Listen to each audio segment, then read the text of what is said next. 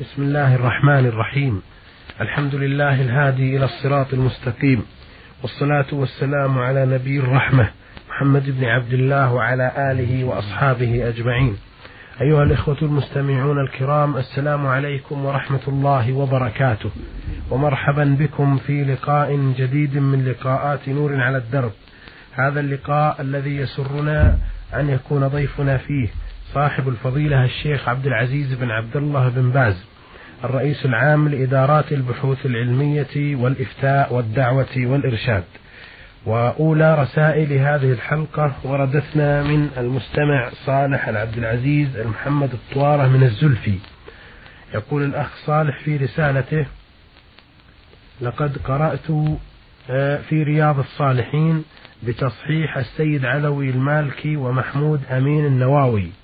فقرأت حديثا قدسيا يتطرق إلى هرولة الله سبحانه وتعالى والحديث هو المروي عن أنس رضي الله عنه عن النبي صلى الله عليه وسلم فيما يرويه عن ربه عز وجل قال إذا تقرب العبد إلي شبرا تقربت إليه ذراعا وإذا تقرب إلي ذراعا تقربت منه باعا وإذا أتاني يمشي أتيته هرولة.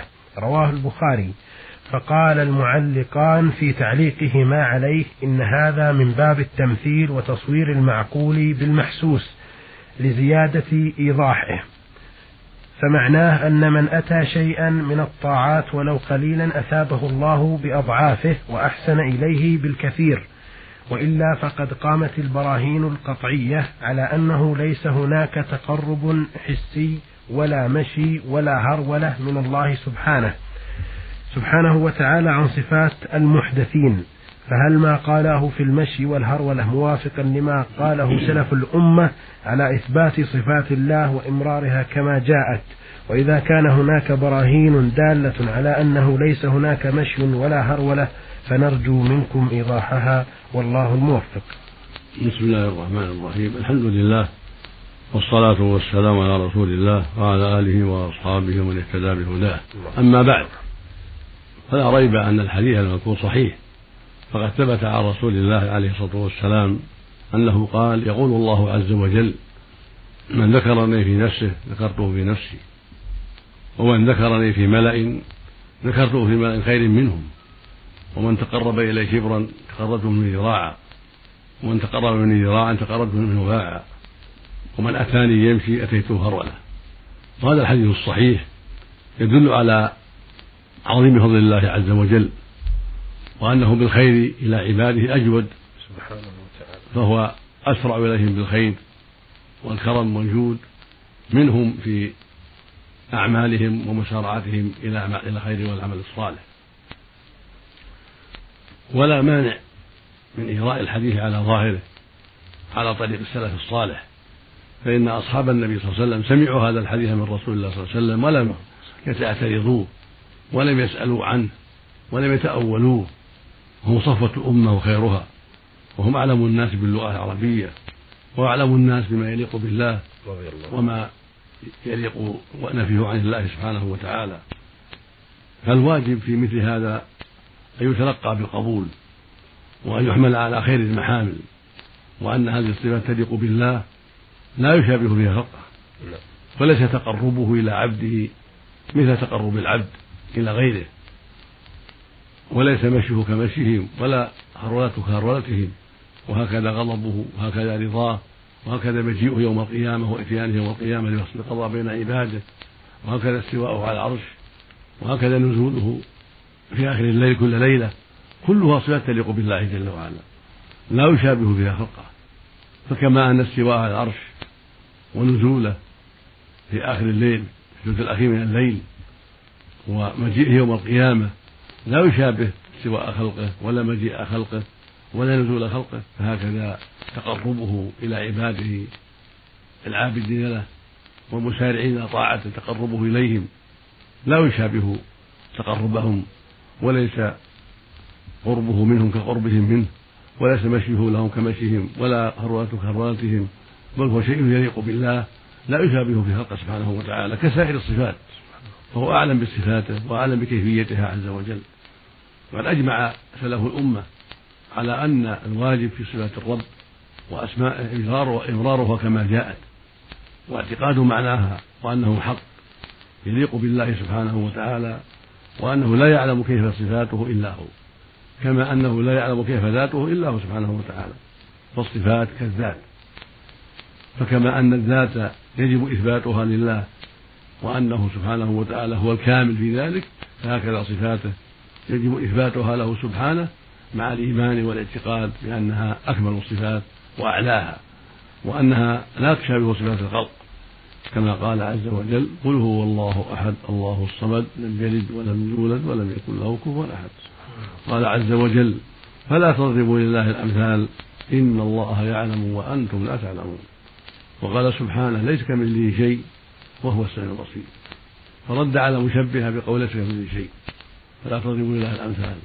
ورد على على المعطلة بقوله هو السميع البصير. قل هو الله أحد الله الصمد. إن الله عز حكيم. إن الله سميع بصير. إن الله غفور رحيم. إن الله على كل شيء قدير إلى غير ذلك.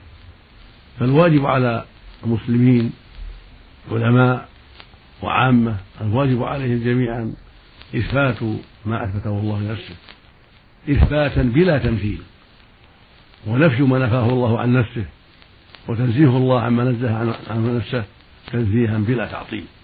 هكذا يقول أهل السنة والجماعة من أصحاب النبي صلى الله عليه وسلم وأتباعهم من سلف الأمة كالفقهاء السبعة وكمالك بن أنس والأوزاعي والثوري والشافعي وأحمد وأبي حنيفة وغيرهم من أئمة الإسلام أمروها كما جاءت وأثبتوها كما جاءت.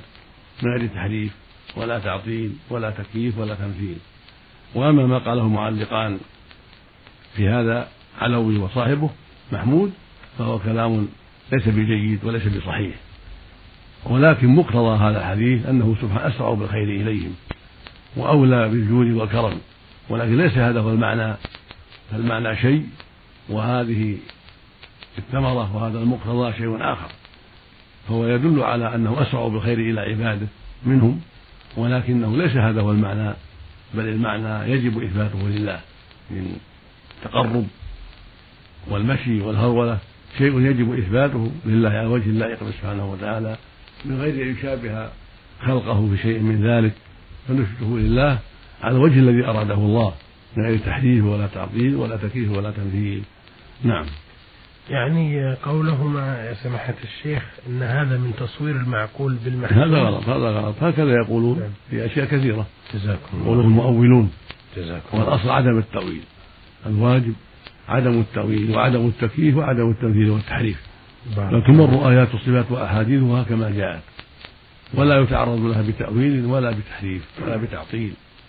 بل نثبتها لله كما أثبتها لنفسه وكما خاطبنا بها. إثباتا يليق بالله لا يشابه الخلق سبحانه وتعالى. نعم. جزاكم الله كما نقول في الغضب واليد والوجه والأصابع والكراهة والنزول والاستواء الباب واحد نعم. باب الصفات باب واحد وهكذا المجيء والقيامة. نقول أجل ما يجي يوم القيامة ولا ينزل نعم. يكذب. نعم. فالمجيء هو المشي. جزاكم الله خير. نعم. وبارك الله فيكم. نعم. هذه رسالة من السائل أحمد علي حسن الزهراني. له فيها عدة أسئلة وإن كان قد تكرر أكثرها سؤال حول تارك الصلاة وهل يدفن في مقابر المسلمين وسؤال حول غلاء المهور وما نتج عنه من تعطل كثير من الشباب والفتيات آه، عن الزواج بسبب غلاء المهور ويطلب وضع حل لهذه المشكلة. وسؤال آخر آه، عن آه، دعاء الشياطين والبناء على القبور. هذه خلاصة الأسئلة التي وردت في رسالته. أما نعم. السؤال الأول وهو تارك الصلاة نعم. هل يلزم في مقابر المسلمين؟ فقد تنازع العلماء في حكمه. نعم. إذا تركها تهاونا وهو لم يجحد وجوبها بل يؤمن بأن الصلاة فريضة ولكن تركها تهاونا وكسلا. فذهب قوم إلى أنه لا يكفر بذلك كفرا أكبر بل كفر أصغر.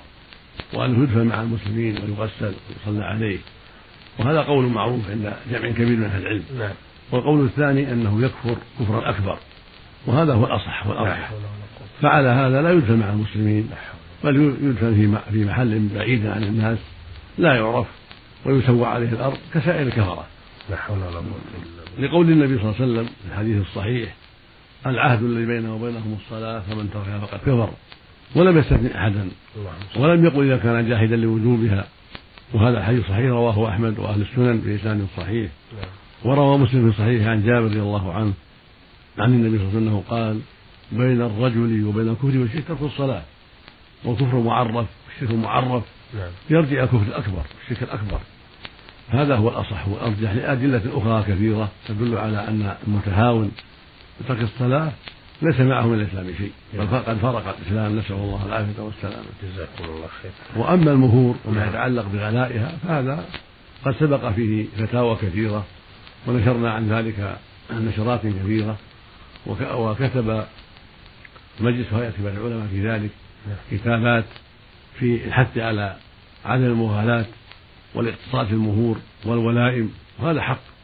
فالواجب على المسلمين أن يتعاونوا في هذا وأن يقتصدوا في المهور والولائم حتى يمكنوا المتوسط في الدخل ومن يعجز عن كثير من المهور ومن ومن مؤونة الولائم نعم. حتى يمكنوهم من الزواج ويسهلوا لهم الزواج فالمقصود أن هذا شيء يجب على المسلمين التعاون فيه وعلى ولاة الأمور التعاون مع الناس في ذلك حتى يتركوا هذه المغالاة في المهور وفي الولائم وهذا حق على الجميع وواجب على الجميع أن يتعاونوا فيه وأن يتواصوا به لعل الله جل وعلا يمن بترك الناس لهذا الشيء حتى يحسنوا بذلك إلى فقرائهم وإخوانهم الذين يعجزون عن هذه الأمور وأما ما يتعلق بدعوة الشياطين والاستغاثة بالجن نعم. وبأصحاب القبور نعم. هذا من الشرك بالله عز وجل فدعاء الأموات والاستغاثة بالأموات والنذر لهم وطلبه المدد هذا من الكفر الأكبر.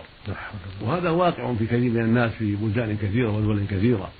يأتي إلى الميت المشهور الذي يسمونه ولي فيقول يا سيدي اشف مريضي؟ رد غائبي المدد المدد. وهذا كفر أكبر بإجماع أهل السنة والجماعة. ولا عبرة بما خالف من المتأخرين الذين جهلوا هذا الأمر ولم يعرفوه وظنوا أن الشرك توحيد وأن التوحيد شرك هؤلاء لا عبرة به. فالأدلة من الكتاب والسنة كلها تدل على أن دعاء الأموات والاستغاثة بالأموات وطلبه المدد من جنس دعاء الأصنام ومن جنس دعاء الكواكب ومن جنس دعاء الأشجار والأحجار كله شرك بالله. نعم. كله من عمل الجاهلية من جنس عمل أبي جهل وأشباهه من كفار قريش حين دعوا العزى وهي شجرة وحين دعا أهل الطائف اللات في عهد النبي صلى الله عليه وسلم وهي الصخرة كان يلت عليها رجل صالح السويق فعظموها وصاروا يعبدونها من دون الله. هذا كله باب واحد. فدعاء الأموات والاستغاثة بالأشجار وبالأحجار وبالأصنام وبالكواكب وبالجن كله باب واحد وكله من الشرك بالله عز وجل. فالواجب على أهل الإسلام أن يحذروا هذه الأمور ويحذرها الناس والواجب على العلماء أن يبذلوا وسعهم في هذا الأمر ويجتهدوا في تبيين هذا الأمر للناس في الوسائل وسائل الإعلام المنظورة والمقروءة والمسموعة حتى يكون الناس على بينة. فإن كثيرا من الناس قد وقع في هذا في بلدان كثيرة ودول متعددة يطوف يطوف بالقبر ويدعو صاحبه ويستغيث به وينذر له ويذبح له ويطلب المدد والغوث ويعرض عن الله عز وجل وهذا من البلاء العظيم. فالواجب صرف هذه العبادات لله وحده. كما قال سبحانه وقضى ربك ألا تعبدوا إلا إياه إياك نعبد وإياك نستعين. قال سبحانه أدعوني أستجب لكم. قال سبحانه فلا تدعوا مع الله أحدا. قال عز وجل ولا تدعوا من دون الله ما لا ينفعك ولا يضرك فإن فعلت فإنك إذا من الظالمين. قال عز وجل ومن يدعو مع الله إلها آخر لا برهان له به فإنما حسابه عند ربه إنه لا يفلح الكافرون. فسماه كفرة. بهذا الدعاء ولا حول ولا قوة إلا بالله. وقال عز وجل ذلكم الله ربنا وملك والذين تدعون من دونه ما يملكون من قطمير إن تدعوهم لا يسمعوا دعاءكم ولو سمعوا ما استجابوا لكم. ويوم القيامة يكفر بشرككم. ولا ينبئك مثل خبير سبحانه وتعالى. سمى دعاءهم إلا شركا وهذا يعم دعاء الأموات من الصالحين والأنبياء ويعم دعاء الجن ودعاء الأصنام وغير ذلك. كله شرك بالله عز وجل. وكله باطل. وبين سبحانه أن المدعوين لا يسمعون دعاء الداعي ولا يستجيبون لو سمعوا فهو خاسر في الدنيا والآخرة. هو خاسر في الدنيا والآخرة. ولكن الشياطين قد تقضي له بعض حاجاته. فيظن أن الميت قضى حاجته. وهذا من الجهل بالله والجهل بدينه فالميت عاجز عن ذلك. مرتهن بعمله. ليس له قدرة أن يقضي حاجتك. وليس له قدرة أن يسمع دعاءك. ولا يستجيب لك. إن تدعوهم لا يسمعوا دعاءكم. هذا كلام الرب أصدق القائلين سبحانه وتعالى. هذا كلام ربنا عز وجل وهو أصدق القائلين. ولو سمعوا ما استجابوا لكم. فهذا يبين لنا أن دعاءهم باطل. وأنه شرك أكبر. وأن صاحبه فاسد. لا يستجاب له ولا يسمع دعاءه. ولكن الجن الذين هم الشياطين الذين هم يدعون الناس إلى النار هؤلاء قد يستجيبون. قد يأتون لصاحب الدعاء بشيء. من حاجاته الدنيوية. وقد يزين له أن دعاء الأموات طيب وأنه مستجاب فيقضوا بعض حاجاته. وقد يتعرضوا لمرض بعض أقاربه فإذا دعاهم واستغاث بهم كفوا عنه وتركوا ما قد فعلوا به. فالشياطين لهم وسائل كثيرة ولهم حيل كثيرة في إيقاع الناس في الشرك إيقاع الناس في الشرك الأكبر نعوذ بالله. كما قال عز وجل إن الشيطان لكم عدو فاتخذوه عدوا. إنما يدعو حزبه ليكونوا من أصحاب من أصحاب السعير نعوذ بالله. وأما البناء على القبور اتخاذ المساجد عليها وقباب هذا من البدع وهذا من وسائل الشرك.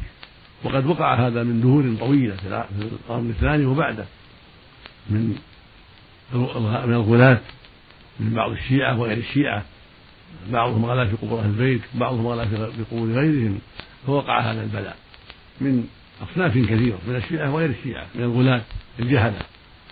فلما بنيت مساجد القبور وبني عليها القباب وعظمها الجهال بالفرش والأطياب ظن العامة والجهلة أنهم ينفعون ويضرون وأنهم يستجيبون لداعيهم وأنهم يقضون حاجاته وأنهم يمدونه بشفاء مريضة فوقع الشرك الأكبر بذلك.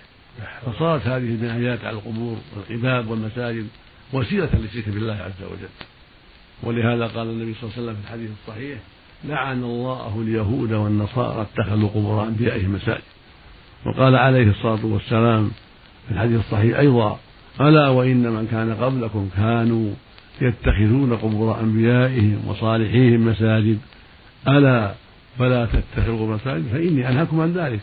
خرجه مسلم في صحيحه.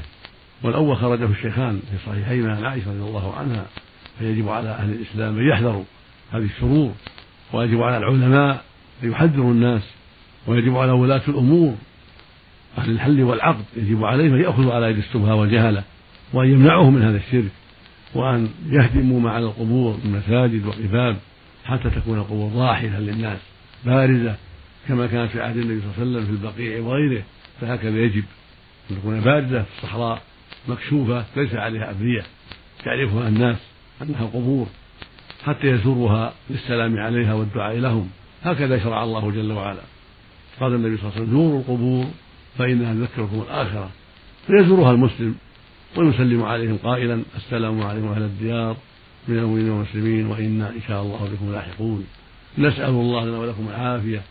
يرحم الله المستقدمين منا والمستأخرين ويدعو لهم المغفرة فالزيارة شرعية.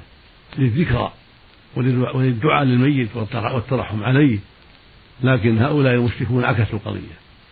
صاروا يأتونها ليدعوها من دون الله ليستغيثوا بها لينذروا لها يطلبها المدد وهذا من أبطال الباطل. والمشروع لنا أن نزورها لندعو لهم نستغفر لهم نترحم عليهم لا لندعوهم من دون الله لا. ولكن ندعو لهم بالمغفرة ندعو لهم بالرحمة نستغفر الله لهم نتذكر الآخرة نتذكر الموت وكان النبي صلى الله عليه وسلم يعلم أصحابه. إذا زاروا القبور أن يقولوا السلام عليكم دار قوم وإنا إن شاء الله بكم لاحقون. نسأل الله لنا ولكم العافية. وفي لفظ قال يرحم الله المستقدمين منا والمستأخرين. وكان يزور القبور عليه الصلاة والسلام ويقول السلام عليكم دار قوم المؤمنين وإنا إن شاء الله بكم لاحقون. أتاكم ما توعدون؟ اللهم اغفر لأهل بقية غرقا هكذا كان يفعل. واصحابه يزورون القبور يدعون للموتى يترحمون عليهم من المسلمين يستغفرون لهم. وفي هذا يذكرون الآخرة يذكرون الموت حتى يعدوا له عدته بخلاف ما فعله هؤلاء المشركون نعم. الذين جهلوا الأمر وجهلوا الحق فغيروا وبدلوا. نسأل الله السلامة والعافية. نسأل الله أن يهدي المسلمين ويبصرهم بدينهم ويوفق علماءهم وحكامهم لتنبيههم وتعليمهم وإرشادهم ومنعهم من الباطل والشرك. إنه خير مسؤول سبحانه وتعالى جزاكم الله خير. آه، في آخر رسالته الأخ أحمد علي حسن الزهراني يسأل بعد سؤاله عن حكم البناء على القبور يسأل هل تجوز الصلاة من آه، أو عند آه، أو في مسجد فيه قبر؟ لا يصلى عند القبور. مثل ما سمعت في الحديث السابق. نعم. يقول صلى الله عليه وسلم ألا وإن من كان قبلكم كانوا يتخذون قبور أنبيائهم وصالحيهم مساجد. ألا فلا تتخذوا مساجد فإني أنهاكم عن ذلك. خرجه مسلم في صحيحه من حديث جندب بن عبد الله البجلي. وإذا صلى عندها فقد اتخذها مسجدا فلا يصلى في القبور عند القبور. ولا في المسائل التي فيها القبور. نعم. وإذا كانت متأخرة دفنت في المسجد وجب نفشها. وأن تنقل الرفاة ينقل الرفاة من عظام وغيرها إلى المقبرة العامة. فيوضع في حفرة خاصة ويسوى ظاهره كسائر القبور حتى لا يمتهن وحتى يسلم المسجد من ذلك فيصلي فيه المسلمون صلاة شرعية. أما إن كانت القبور قديمة وبني المسجد عليها للتبرك بها فهذا هو المنكر ويهدم المسجد. نعم. ولا يبقى المسجد إذا كان هو الأخير. نعم. إذا كان الأخير المسجد يهدم. وإذا كان المسجد قديما ثم دفن فيه ميت ينبش وينقل رفاته إلى مقابر المسلمين. نسأل الله الهداية للجميع. نعم. هذه رسالة من المستمع محمد شريف من المنطقة الشرقية الخبر.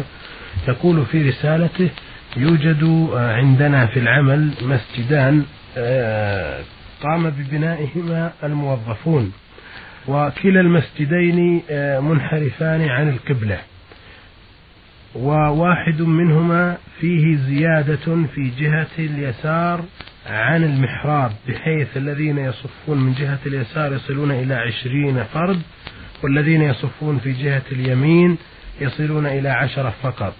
والإخوان جميعا يعلمون عن انحراف المسجدين عن القبلة وكذلك من يؤمنا. فما حكم الصلاة في هذه المساجد؟ إذا كان الانحراف يسيرا هو جهة جهة الغرب جهة القبلة فلا يضر الانحراف اليسير يعفى عنه عند أهل العلم. لقول النبي صلى الله عليه وسلم ما بين المشرق والمغرب قبلة. يقول في حق أهل المدينة ونحوهم. هكذا في في الشرق ما بين الجنوب والشمال قبلة. وهكذا في الغرب وما بين الجنوب والشمال قبلة. فالمقصود أن الانحراف اليسير الميل اليسير الذي لا يخرجه عن الجهة نعم. هذا يعفى عنه. أما إذا انحرف إلى الجهة الأخرى هذا هو لا يعفى عنه. أما الانحراف اليسير فيعفى عنه. وتوسط الإمام هو السنة والإمام والوسط هو السنة. فإذا كان الإحرام غير متوسط فالمشروع أن يوسطوه وينقلوه إلى وسط المسجد لا إلى لا, لا إلى جهة أبعد عن الوسط.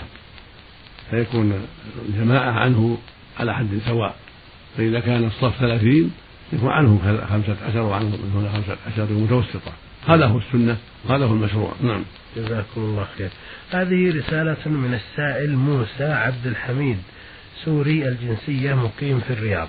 الأخ موسى يقول في رسالته آه إن زوجتي لا تصلي وقد أمرتها بالصلاة أكثر من مرة لكنها لم تستجب وكذلك هي لا تتحجب وشعرها ظاهر على كل الناس أفيدوني ماذا أفعل معها؟ هذه المرأة قد اجتمع فيها شران عظيمان. أحدهما أعظم من الآخر. الشر الأول عدم الصلاة وهذا كفر أكبر على الصحيح. والشر الثاني عدم تسترها وحجابها. فينبغي لك أن فالواجب أن تفارقها لأنه ليس للمسلم أن يمسك الكافرة. قال الله تعالى لا هن حل لهم ولا هم يحل لهن. فالواجب عليك فراقها ما دامت لم تستجب للنصيحة فالواجب فراقها. وأبشر بأن يعوضك الله خيرا منها. ونسأل الله لها الهداية فالمقصود أن هذه المرأة فيها شران عظيمان أحدهما أعظم من الآخر. وهو ترك الصلاة. هذا أعظم هذا كفر أكبر. وكونها غير محتجبة لا في شعرها ولا في وجهها هذا أيضا كبيرة عظيمة وشر عظيم. فالواجب عليك فراقها والحذر منها وإعطاؤها طلاقها. نسأل الله لنا ولكم العافية. ومن ترك شيء لا عوضه الله خيرا منه. وسوف يعوضك الله سبحانه وتعالى فضلا منه خيرا منها وأصلح إن شاء الله. نعم. جزاكم الله خير. هذه رسالة من الأخت السائلة زينب عين فاء ضاد من السعودية. الأخت زينب تقول في رسالتها هي فتاة مسلمة والحمد لله تصوم وتصلي وقد أصابها مرض شديد في يوم من أيام رمضان. وقد أوشكت على الموت فأفطرت من شدة المرض ثم قضت هذا اليوم فتسأل هل عليها في فطرها إثم؟ ليس عليها إثم بل مأجورة. الإنسان إذا أصابه المرض وشق عليه الصوم شرع له أن يفطر وهو مأجور في قبول الرخصة. يقول الله سبحانه ومن كان مريضا أو على سفر فعدة من أيام أخرى. ويقول النبي صلى الله عليه وسلم إن الله يحب أن تؤتى رخصه كما يكره أن تؤتى معصيته. فإذا أخذ الإنسان بالرخصة طاعة لله وعملا بما شرع سبحانه وتعالى فهو مأجور ولا إثم عليه. فأنت أيها الأخت السائلة لا حرج عليك في إفطارك من أجل المرض وعليك القضاء وقد قضيت والحمد لله. نعم. جزاكم الله خير. آه، لها أيضا أسئلة آه، يعني متقاربة تقول فيها ما حكم استعمال السحاب أو السستة في ملابس النساء؟ ثم هل يجوز أن أغير شعري إلى اللون الأحمر؟ ثم هل يجوز استعمال الأسنان الذهبية للنساء والرجال؟ أما السحاب فأمره سهل. نعم. كونه في الأمام أفضل وأولى. نعم. ولكن إذا كان في الخلف لأسباب تقتضيها المصلحة فلا بأس. لكن مع عناية بالستر مع عناية بستر العورة نعم. ستر البدن من الأمام والخلف. تكون حريصة على ستر عورتها من أمامها وخلفها. هذا هو الواجب. أما كون السحاب أمام أو خلف أمره سهل ولكنه في الأمام أولى كالعادة القديمة المعروفة. ولأن ذلك أمكن في ضبط العورة وضبط وضبط اللباس على البدن. وبالنسبة لصبغ الشعر. وأما صبغ الشعر فلا يجوز إذا كان بالسواد الخالص. أما إذا صبغ بالحمرة أو بالصفرة أو بسواد مخلوط بالحنة فلا بأس بذلك. بل قال عليه الصلاة والسلام غيروا هذا الشيب وجنبوه السواد فدل ذلك على أن تغيير الشيب سنة ومستحب لكن غير السواد الخالص. وإذا غير الشعر بالأحمر أو بالأصفر فلا حرج في ذلك. وإذا كان يا شيخ لشابة مثلا تريد تغيره. إذا كان للجمال فلا بأس، إذا كان للجمال نعم. فهو مسكوت ليس فيه نهي. جزاكم الله نعم. وبالنسبة للأسنان الذهبية للرجال والنساء. الجائز للنساء خاصة. نعم. أما للرجال فلا إلا للحاجة. يحتاج الرجل وهم للزينة يحتاج لسقوط أسنانه. ولأن الذهب أصبر وأنظف فإذا جعله للحاجة فلا بأس. وإن جعل غيره من المعادن الأخرى فهو أولى وأحوط إن شاء الله. وإذا ربطه بأسلاك الذهب ربط الأسنان الأخرى بأسلاك الذهب فلا بأس. قد روي هذا عن جماعة من أصحاب النبي صلى الله عليه وسلم والحاصل أنه إذا كان للحاجة فلا بأس. نعم. وقد ثبت عنه صلى الله عليه وسلم أنه أمر بعض أصحابه لما قطع في بعض الحروب أن يجعل فضة. نعم. فلما تغيرت عليه أمره أن يجعل مكانه ذهبا. فدل ذلك على أن الذهب للحاجة لا بأس لا لأجل الزينة. وإذا جعل من المعادن الأخرى أسنانا وربطها بشيء من الذهب فلا حرج في ذلك. أما النساء فأمرهن أوسع لأنه حل لهن الذهب والحرير دون الرجال. بارك الله فيكم. وهذه رسالة من الأخ السائل أحمد سلامة سلمان رشيدي سوداني الجنسية. يقول في رسالته أه طلقت امرأتي ثلاث مرات وحيث كان في وقت المغرب وقالت لي كلاما أغضبني فطلقتها وراجعتها لأنها أم لطفلين وعادت إلى بيتي وبعد أيام حصل بيني وبينها آه، زعل فطلقتها فدخلت علي وقالت لأجل أطفالي أرجعني فرددتها وبعد أيام حصل بيني وبينها كما حصل في الطلاق الأول والثاني فطلقتها في الثالثة. أفيدوني عن هذا. عليك أن تراجع المحكمة أو المفتي لديكم في بلادكم وهو إن شاء الله ينظر في الأمر. والأصل أن الثلاثة إذا تفرقت ليس بعدها رجعة ولكن القاضي أو المفتي ينظر في ذلك. أما إن كنت في السعودية ففي إمكانك أن تراجعنا بالمكاتبة حتى نحيلك وإياها إلى قاضي طرفكم للنظر في الموضوع ومعرفة الحقيقة عنك وعن المرأة وعن وليها حتى تكون الفتوى على أمر واضح. إذا كنت في المملكة. أما إذا كنت في بلاد أخرى ففي إمكانك مراجعة المحكمة لأحوال الأحوال الشخصية أو المفتي عندكم وهو إن شاء الله يوفق الفتوى فيما يوافق الشرع إن شاء الله. جزاكم الله خير.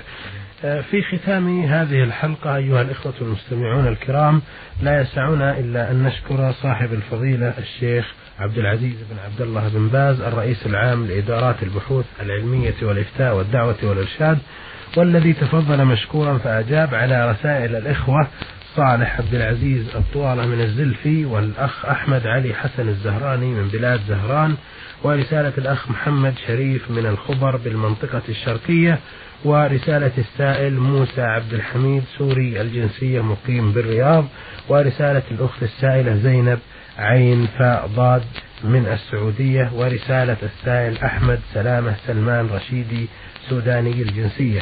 شكرا لكم على حسن متابعتكم ولكم تحية من الأخ صالح النويصر من الهندسة الإذاعية وإلى أن نلقاكم على خير نترككم في رعاية الله والسلام عليكم ورحمة الله وبركاته.